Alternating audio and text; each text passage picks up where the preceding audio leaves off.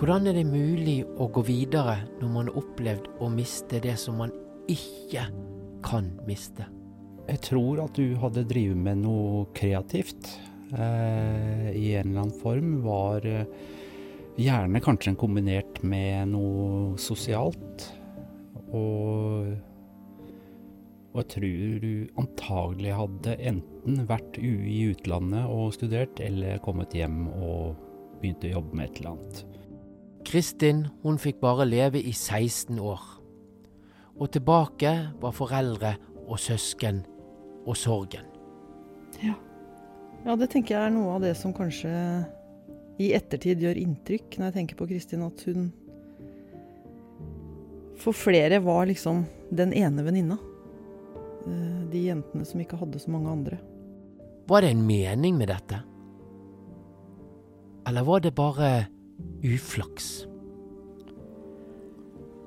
Ja, det må jeg spørre om i tilfelle når den dagen kommer. For jeg, jeg kan ikke Altså, jeg kan gå med på at Gud vil lære meg noe, men da må han jo gjøre noe med meg, og ikke la det gå utover barna mine. Du hører på podkasten Å leve med tap, der programleder Frank Tangen snakker med Hilde og Kåre Gromstad. Jeg heter Hilde Løven Gromstad. Jeg er et stykke opp i 50-åra. Jobber som diakon i KAB og bor i Drøbak. Og jeg heter Kåre Gromstad og er, driver planlegger 60-årsdagen min nå. Så det vil si at jeg er enda litt mer opp i åra. Er eh, pensjonert feltprest, og nå kjører jeg lastebil og buss. Og bor i Drøbak sammen med Hilde.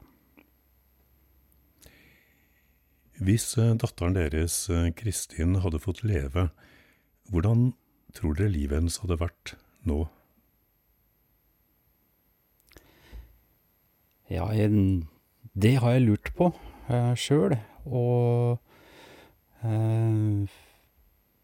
jeg tror at du hadde drevet med noe kreativt i en eller annen form. Var gjerne kanskje kombinert med noe sosialt.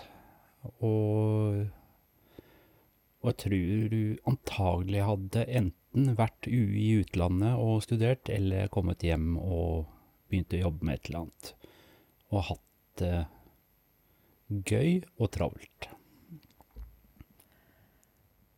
Når jeg tenker på det, så har jeg på en måte to versjoner. Jeg har versjonen om hvordan Kristin ville vært hvis hun ikke hadde blitt syk. Og da er jeg enig med Kåre. Og så har jeg versjonen av hvordan det kunne vært hvis hun hadde blitt frisk. Men det hadde nok vært et annet liv, med tanke på behandling og alt som Kristin måtte gå gjennom. Så det er Ja, hvordan tror du det hadde vært? Det er vanskelig å si. Det er klart at med å ha en sånn sykdom bak seg, så gjør det jo noe med en. Én ting er at kroppen har fått juling. Og vi hører jo mer og mer om senskader og hvordan det er. For Kristin så gikk det jo lenge Eller det virka som om det skulle gå fint. Men at det også psykisk kan være en belastning og en påkjenning å ha hatt noe sånt Å ha en sånn opplevelse, da, gjør at jeg er veldig usikker på det. Kristin fikk leukemi, og det er ca. ti år siden nå. Greier dere å tegne et bilde av hvordan hun var før hun ble syk? Ja, det er eh, egentlig lett. Men når du stiller spørsmålet nå, så kjenner jeg plutselig at det er ti år sia. Uh, Har det blekna? Nei, altså totalbildet har nok blekna, men det er enkelte ting som har blitt tydeligere. Um, hva skal jeg si for noe? Den blide jenta som så folk rundt seg, og så oss, det at eh, når hun kom inn døra, bare ropte 'hei, pappa', 'hei, mamma', 'her er jeg', altså stemmen, var jo viktig. Altså, hun var til stede både med seg sjøl og lydmessig. Eh, hun var eh, både aktiv og kunne sitte stille og tenke, og hadde mange, hva skal jeg si for noe, litt sånn dype spørsmål. Hun var jo 14 når hun blei sjuk, og syntes jo egentlig at hun, hun dreiv med konfirmasjonsforberedelse, og hadde en del sånne refleksjoner rundt tro og liv eh, i den forbindelse, samtidig som hun var leken. Og elska jo vinter og snø, og hadde jo tre eldre brødre. Og prøvde å følge de i hva skal jeg si for noen vinteraktiviteter, men på sin måte. Og var nok også jeg si, viktig for venninnene sine, som en sånn eh, samlingspunkt. Altså, det virka som hun, kunne, hun hadde et bredt spekter i eh, venninner, så hun var liksom sånn ja, virka som hun kunne komme til Kristin, og at hun var, betydde mye for mange forskjellige. Ja. ja, det tenker jeg er noe av det som kanskje i ettertid gjør inntrykk, når jeg tenker på Kristin, at hun for flere var liksom den ene venninna. Eh, de jentene som ikke hadde så mange andre. Og det gjorde jo at det for mange ble vanskelig. Også når Kristin blei sjuk. Dere må nesten fortelle oss hva som uh, skjedde. Hun var 15 år gammel og ble syk. 14? 14 og et halvt, Mm. Ja. cirka. Ja, ja. Det er Nei, um, det var som sagt uh, Jeg merka at du forandra litt utseende, særlig spesielt rundt uh, øya. Uh, var av gårde på vinterferie, og hun blei uh, raskere sliten. Og jeg tenkte at dette her er en sånn vinterinfluensavirussak som sitter i. Hun hadde jo vært litt småsjuk ja, siden slutten av januar og rundt ved disse tider. Og så var vi av gårde på konfirmasjonsleir, og da orka hun ikke så mye av det hun syntes var gøy. Var oppe på Mesnalia, litt sånn aktivitetspark og klatring og sånn som hun satte veldig stor pris på. Altså, hun hadde én defekt, hun var ikke høyderedd.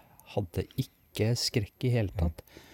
Men at hun ikke orka det, da begynte jeg å stusse skikkelig. Og så dro vi av gårde på påskeferie, ganske sein påske, så vi dro til Hvaler og skulle liksom begynne å hilse våren og sommeren. Og vi orka knapt å gå opp til hytta. Da hadde vi vært av gårde og tatt uh, røntgenbilde uh, for mistenkte lungebetennelse.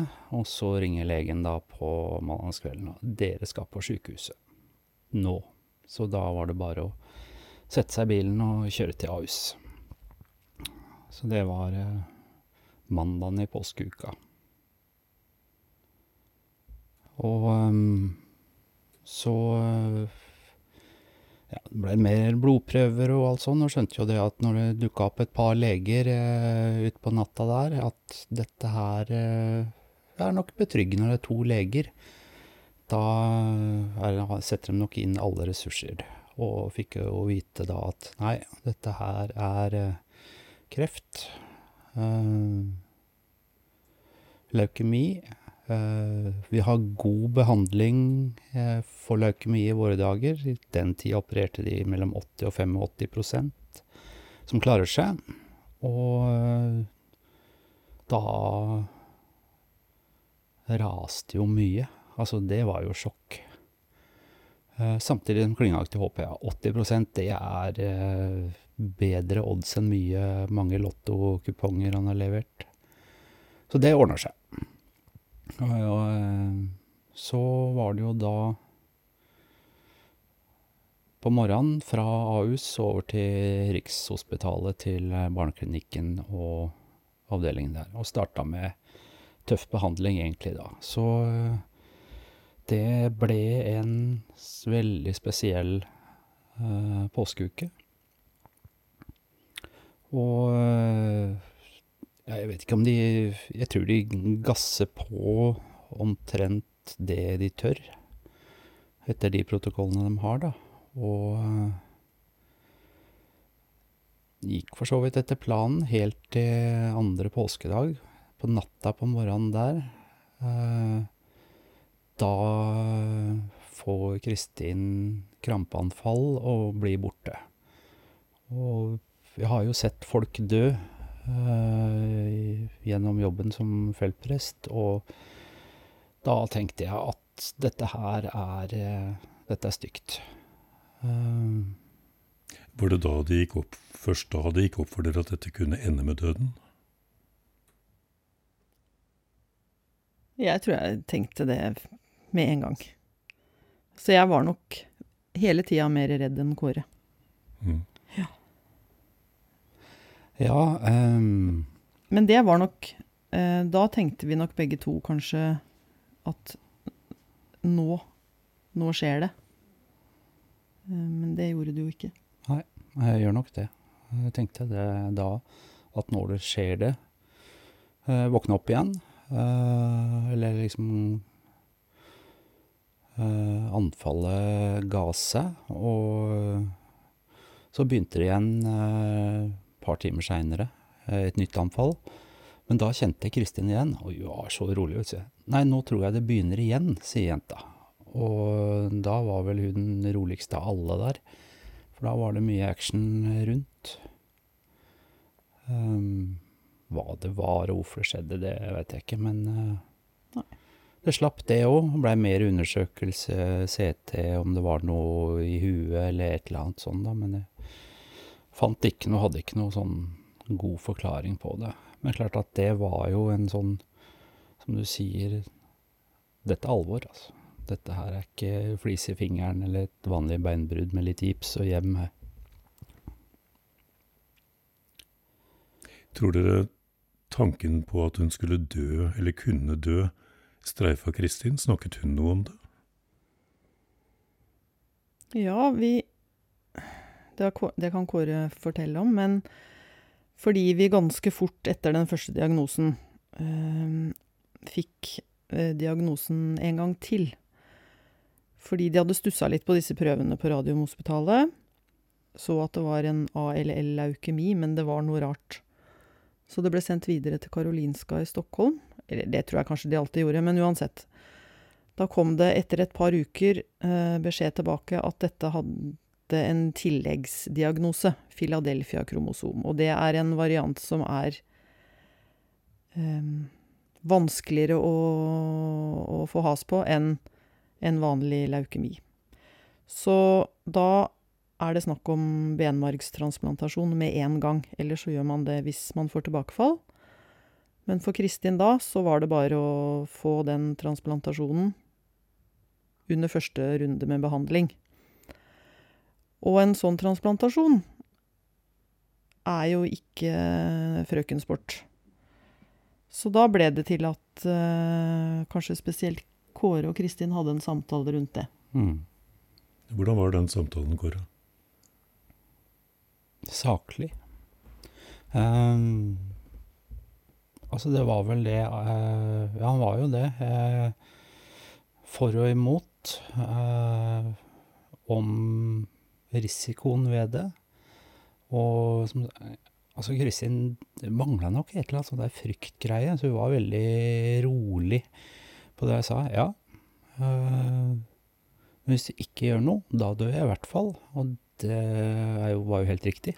Så det var jo en veldig ærlig eh, samtale sånn sett. Så den var ikke lang, og ikke Hva skal jeg si for noe Ikke noe på en måte at vi foregrep døden eller noe sorg eller tristhet. Altså det var liksom Nå må vi gjøre det vi kan gjøre, og det som må gjøres, og så får vi se.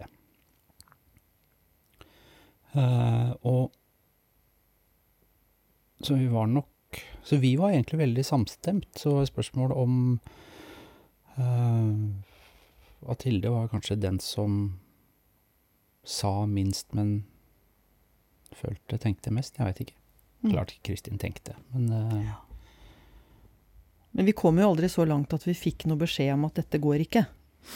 Nei. Eh, Det var hele tiden legenes tanke at dette her skal vi ordne. Og da tenkte i hvert fall jeg at da er det jo det vi må forholde oss til. Selv om jeg kjente klump i magen og sov dårlig, for å si det sånn. Nå etter hvert så nærmer det seg jo Kristins konfirmasjonsdag også. Hvordan var eh, den perioden? Ja, det er en av de verste dagene nesten, tror jeg, i mitt liv. Den konfirmasjonen der. Eh, Kristin hadde nok en fin dag. Eh, det var jo tidlig i runde med behandling. Kortison hadde jo all, Selv om det bare var noen uker siden dette starta, så hadde utseendet forandra seg. Blitt mye rundere i ansiktet. Hadde fått parykk. Så det var jo ikke Kristin for meg. Eh, Og man er jo skjør i immunsystem, sånn at vi hadde en egen konfirmasjon for Kristin. Eh, Etter at alle de andre var blitt konfirmert, så hadde vi kirken for oss sjøl.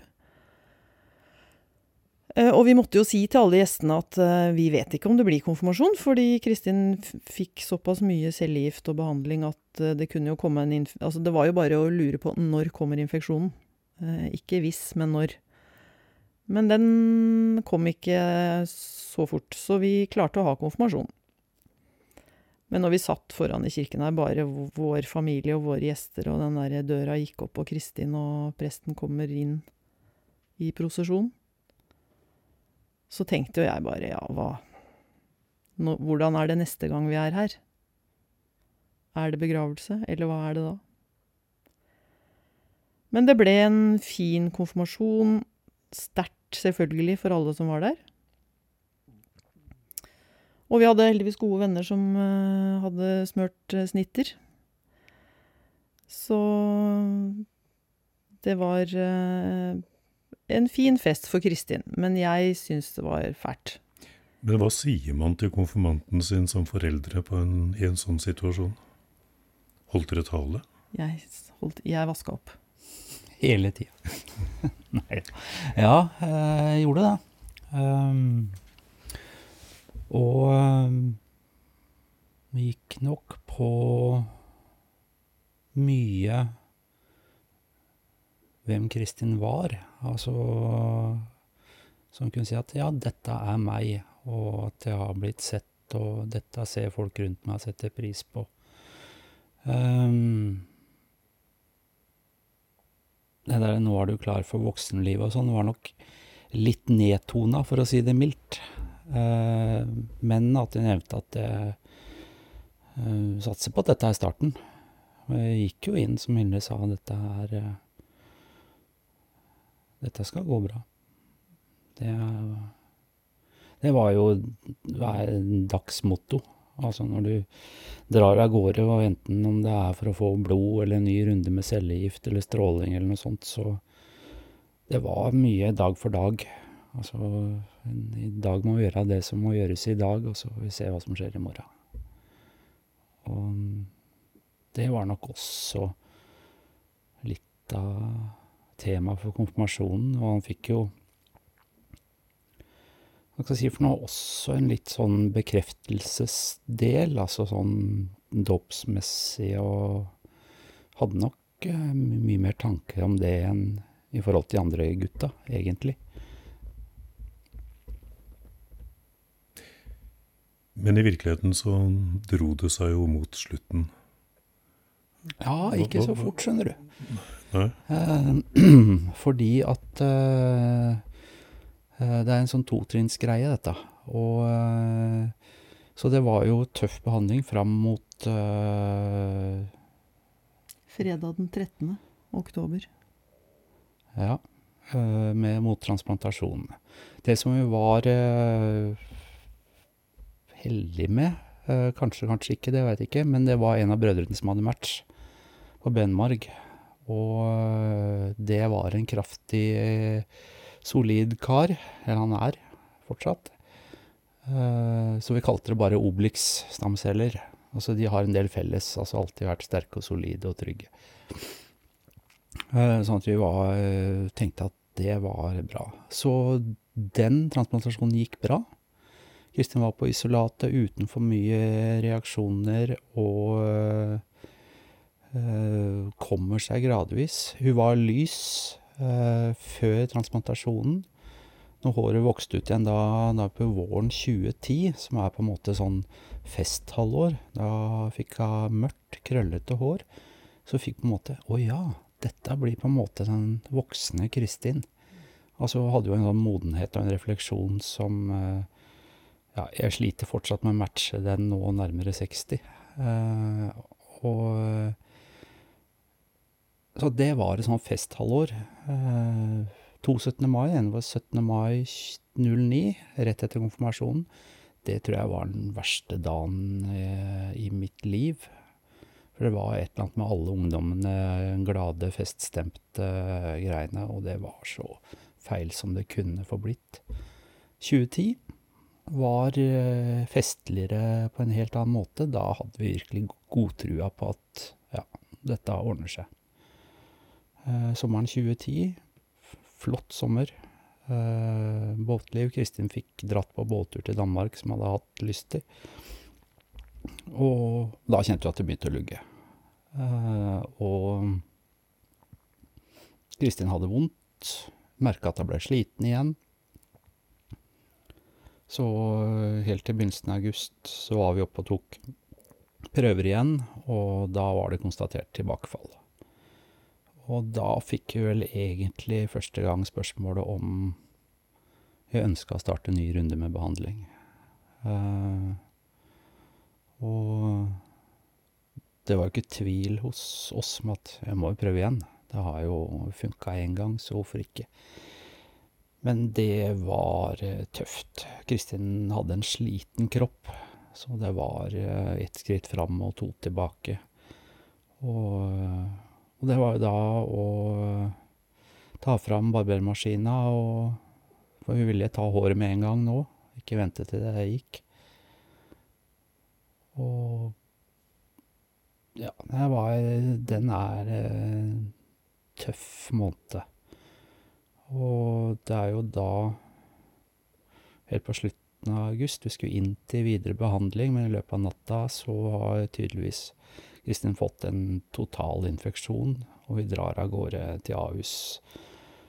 Og tenkte vel at Altså fra vi ringer til helikopteret er her, til hun er på Ahus igjen, så er det raskere å kjøre sjøl. Det var tidlig på natta, så eh, det gikk raskt. Det gikk greit.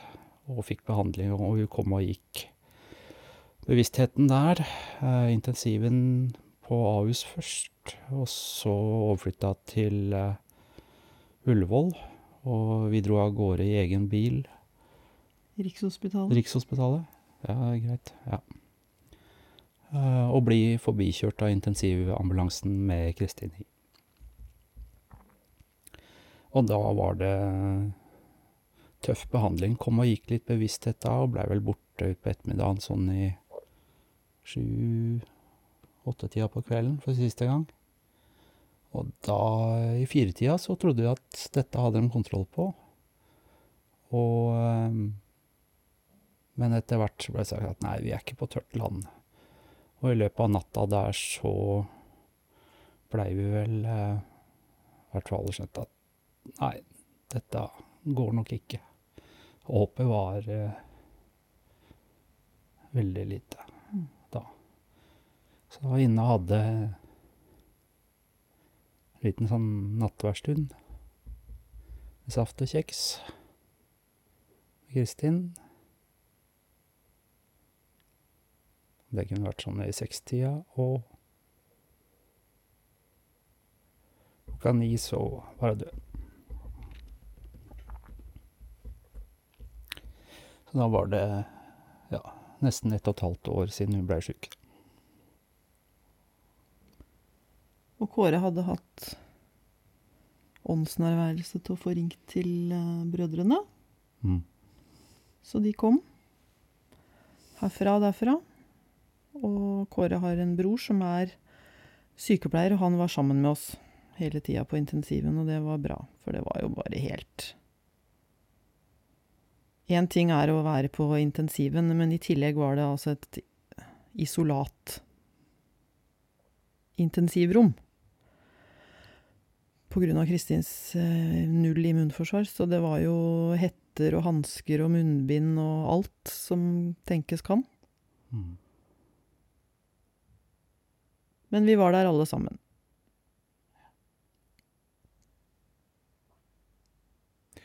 Gre- Greier dere å beskrive hvordan det øyeblikket var da hun ble borte for dere?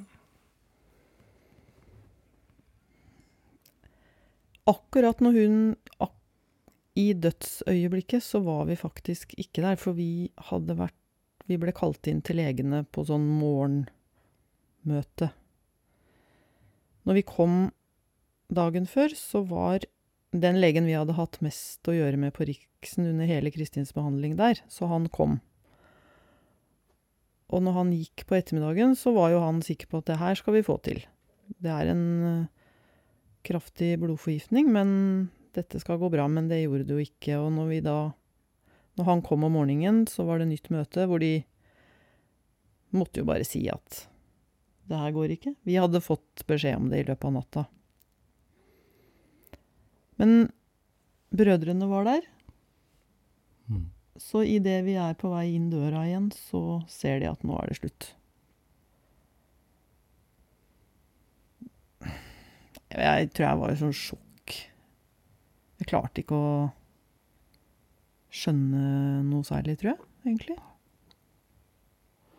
Nei, eh, det kan du si. Altså eh, Jeg gikk i litt sånn der, eh, hva skal jeg si, for noe sånn operativ modus. Altså sikkert adrenalinstyrt. Skulle ordne ting? Ikke mye, eh, men det som kunne ordnes, kunne jeg i hvert fall få gjort noe med, og måtte bare, hva skal jeg si for noe, akseptere det som ikke fikk gjort noe med, og jeg lurer på om man kan si for noe, både trening og erfaring gjennom yrkeslivet i Forsvaret har måtte, gjorde at vi hadde veldig forskjellig utgangspunkt. Uh, når det er si, både episoder fra Bosnia, Kosovo og Afghanistan som på en måte uh, har jo vært borti dramatiske ting før. Og når det er eh, Kristin som er der, så er det klart at det er veldig, veldig spesielt. Men allikevel så er jo, hva skal jeg si, for de faktiske forholda er jo hva skal jeg si, noe av det samme. Altså om det ikke er tekniske, så får vi ta det følelsesgreiene når eh, Senere, kanskje. Så jeg var nok veldig der da. Så dere to reagerte ganske forskjellig i den situasjonen? Ja, for meg var det jo helt uh, ny opplevelse. Jeg Mm. Ja. Kan dere si noe om, når dere nå ser tilbake på det, hva hele den sykdomsperioden og Kristins død gjorde med forholdet mellom dere to og familielivet?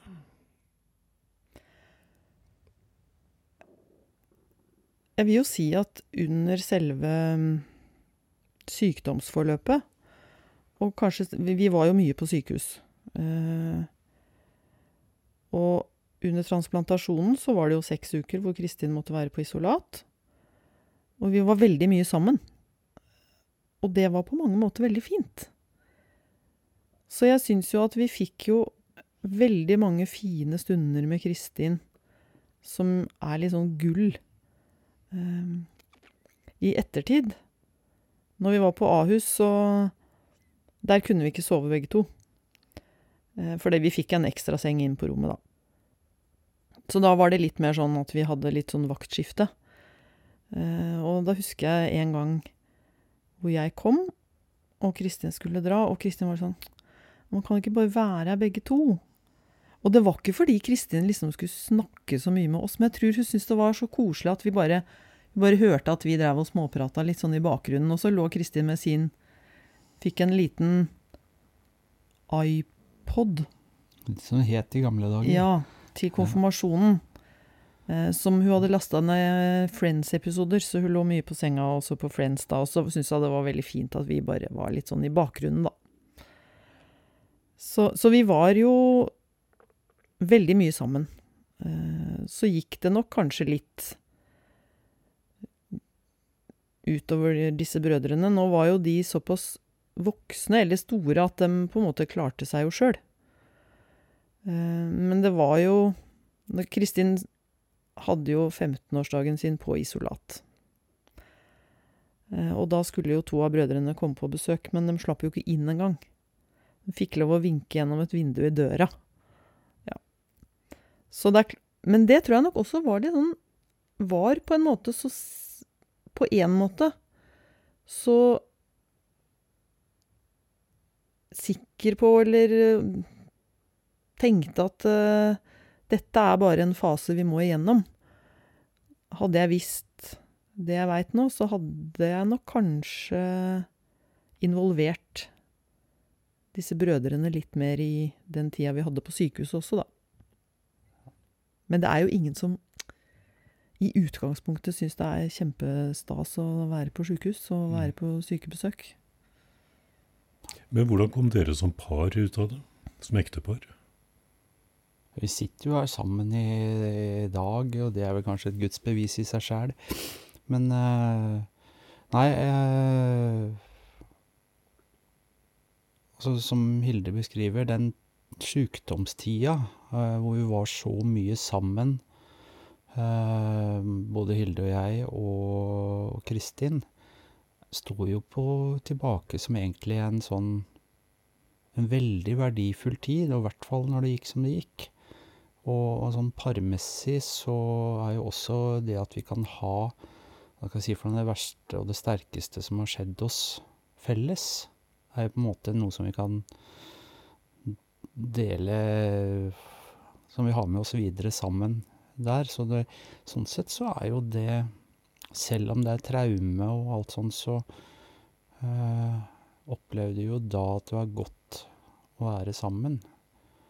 Etter at Kristin døde, så er er det store hva skal jeg si for noe, erfaringa og overskriften er jo at sorgen er ikke synkron. Altså, og sorgens uttrykk er også vidt forskjellig. Altså, en, en liten eh, beskrivende historie er at Hilde sitter her med besøk av sykepleiere. Ja? Jeg leste et kort. Du satt her og leste et kort med et flott dikt. Jeg hadde ikke behov for blomster, kort og dikt. Men jeg hadde et desperat behov for å fikse ting. Altså, jeg klarte ikke å fikse Kristin, men noe må jeg klare å fikse. Hun blei kjempestressa av alt som gikk i stykker. Så hadde jeg en gammel motorsag som jeg hadde stått og tenkt jeg skulle fikse lenge. Så jeg går ut og fikser den saga, og eh, får jo starta den rett utafor vinduet hvor Hilde sitter og leser kort. Da var det litt strekk i feltet, i sorgfeltet. Eh, men samtidig så blei det en veldig sånn beskriver at sånn er, er sorgen. Altså, vi er på forskjellige planeter, men deler sorgen. Og både det å ha raushet for hverandres sorg. Uh, for jeg noen ganger, altså vi hadde lagt oss, og så kjenner jeg bare at uh, senga rister, for da ligger Hilde og gråter. Og jeg kjente at åh, nei, skal jeg bare gå og legge meg et annet sted? Jeg orker ikke den der grininga hver natt. tenkte jeg nei, nå er det hun som griner og, og har det vondt. Da skal jeg være der.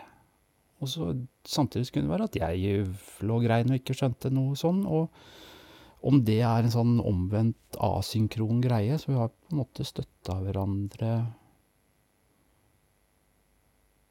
gjennom de åra som har gått, på en eller annen sånn merkelig måte. Så på spørsmålet ditt. Sterkere, svakere.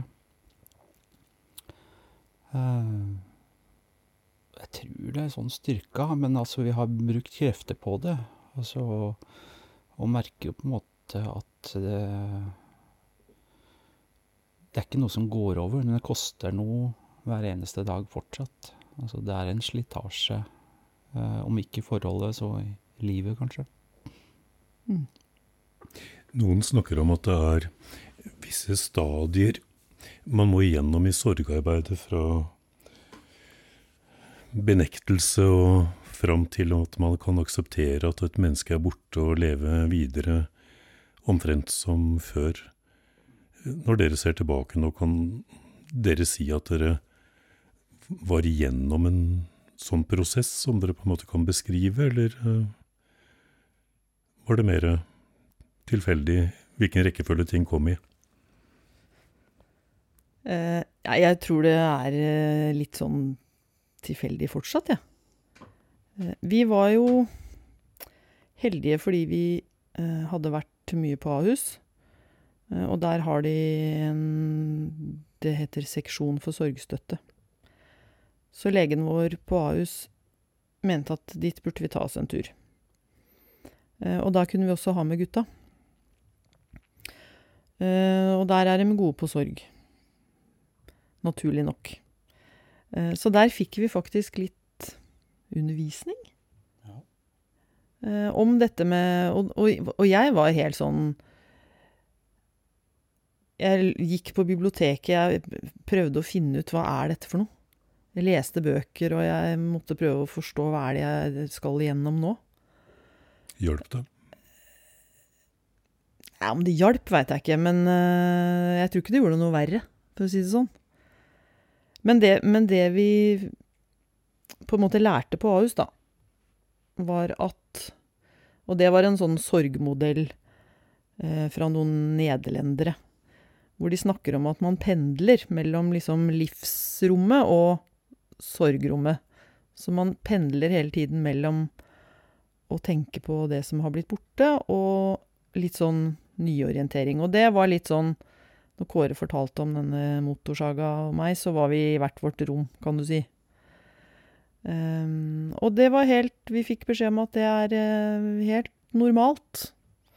At noen ganger er man i det ene rommet, og noen ganger er man i det andre rommet. Man er nok ikke i det samme rommet samtidig. Um, og det um, syns jeg har vært nyttig å tenke på. Og, men jeg syns jo jeg syns fortsatt det er vanskelig å forstå. Eh, selv om jeg tror jo ikke at jeg går rundt og benekter. Jeg gjør jo ikke det. Jeg har jo akseptert at Kristin er død, men, men å liksom forstå det, det klarer jeg ikke. Spør dere hvorfor det skjedde? Der har vi kanskje vært litt forskjellige. Jeg veit ikke. Um, Nei, det har ikke vært noe stort tema. Altså, hun har jo tenkt gjennom hva skal si verdens elendighet, og at det faktisk er sykdom og død det er en realitet. Uh, og Men jeg hadde vel en tanke, altså vokste opp da med hva skal jeg si for noe, engel over senga som passer på gutten på stupet, og ingen er så trygg i fare som Guds lille barneskare, og tenkte at Kristin bør jo tilhøre døpt, konfirmert og lest juleevangeliet i kirka på julaften og sånn, og var med i barnekoret og sånn. Og så ut fra den eh, tilnærminga så har jeg ryket på en kraftig smell. Det er helt sikkert. Men i og med at jeg har Altså, i voksenlivet levd og praktisert som at jeg har ikke noen garanti for at det skal gå godt. Men jeg var ikke forberedt på at det skulle ramme unga mine sånn. Men når det skjedde, så tenkte jeg Så Hilde har jo satt direkte ord på det. Hun sa altså hvorfor ikke? Altså Det er jo ikke noe og det er klart at det, det har jeg jo helt rett i. Så det har vært en prosess ja, hva. Tenkte, hva tenkte du med det, Hilde? Hvorfor ikke? Nei, det er vel for mange en sånn tanke Hvorfor skulle dette skje meg? Eller oss?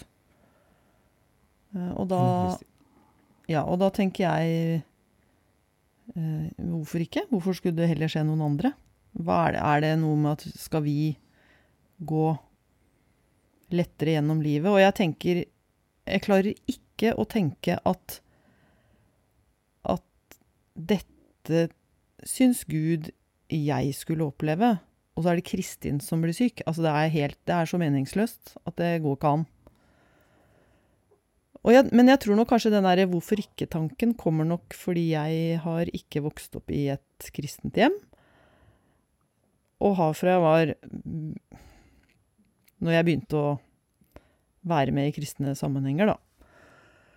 Reagerte litt på at uh, hvis, du, hvis du er kristen, så skal det liksom Da skal alt gå så mye bedre for deg.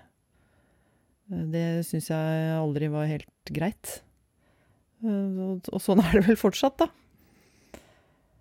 Så det er like greit å slippe å tenke at dette er noe Gud, Gud mener personlig i forhold til oss? Ja, det må jeg spørre om i tilfelle, når den dagen kommer. For jeg, jeg kan ikke Altså, jeg kan gå med på at Gud vil lære meg noe, men da må han jo gjøre noe med meg, og ikke la det gå utover barna mine. Så det blir Jeg finner ikke noe, noe mening i å tenke sånn. Jeg tenker at dette var, som legene sa på Rikshospitalet når vi spurte, uflaks. Skal dere møte Kristin igjen? Ja. Jeg håper det. Mm -hmm. um, men det som er rart Altså, nå snakker vi sånn tiårs uh, siden. Og det å Hva skal jeg si for noe Være ferdig uh, med bisettelsen. Bilen har kjørt av gårde. Eh, minnesamværet er over, og folk har grått, og vi som foreldre har gått og trøsta dem så godt vi kunne av en eller annen grunn. Um, og kommer hjem her og så tenker på ja, nå er jeg pappa til tre gutter på jorda og en i himmelen. Det er samme for meg om jeg lever eller dør. Altså døden og det var mye nærmere da. Uh, så det var omtrent Om jeg levde eller døde, spilte, spilte ingen rolle, uh, sånn sett. Det var én refleksjon. Altså, jeg har en sånn grunnleggende livsglede og livslyst i meg, en sånn oppholdelsesgreie. Uh, jeg kan vente med å se igjen Kristin. Nå syns jeg det er spennende å være sammen med gutta her på jorda. Og klart, jo eldre han blir, så ser han jo at tida går fort her, så det er kanskje ikke så lenge til. Hvert fall sånn i perspektivet, det veit en jo aldri, men uh, Hvis noen kom og fortalte at det skjer ikke, så uh, hadde jeg ikke trodd på vedkommende. Altså, da måtte det være noen som hadde ordentlig greie på det, og da er det vel ingen jordiske jeg tenker på da. så måtte jeg vel bare akseptert det, at det var sånn det var. Men jeg hadde nok blitt litt skuffa. Det må jeg si. Det er Med en form og farve og hvordan det skal bli, det blir mindre og mindre viktig. Men at du skal samles igjen, det er nok uh, mm. Og det er mange, altså, og jeg ser jo når den tanken kom ganske rett etterpå, da var det bare Kristin jeg tenkte på. Men jeg tenker på det i dag, så er det flere liksom som dukker inn i bildet. Altså det er liksom ikke bare Kristin, men de som har gått foran. Og så eventuelt de som kommer etter. Altså det er noe sånn stort, raust i det der. Mm. Greier du å se for deg det øyeblikket, Hilde? Gjensynet? Nei, jeg gjør nok ikke det helt. Eh, men jeg Hva skal vi si? Jeg klamrer meg til det håpet og fordi jeg på en eller annen måte har en kristen tro, så henger det sammen for meg. Så hvis jeg skal på en måte avskrive et liv etter dette, da, jeg, da må jeg avskrive alt. For ellers så det henger det ikke sammen for meg. Eh, troen på Jesus handler om et liv etter dette. Ellers så syns jeg det blir helt Det blir ikke noe igjen. Eh, Så inntil det Og så tenker jeg jo litt Altså Det håpet og den troen skal jeg ha. Og hvis det ikke er sånn, så kommer jeg ikke til å merke det. For da er jeg død, og da Ja. Enten så Så jeg, jeg velger å bare ha det den, den tanken. Og jeg syns jeg blir faktisk litt provosert når folk begynner å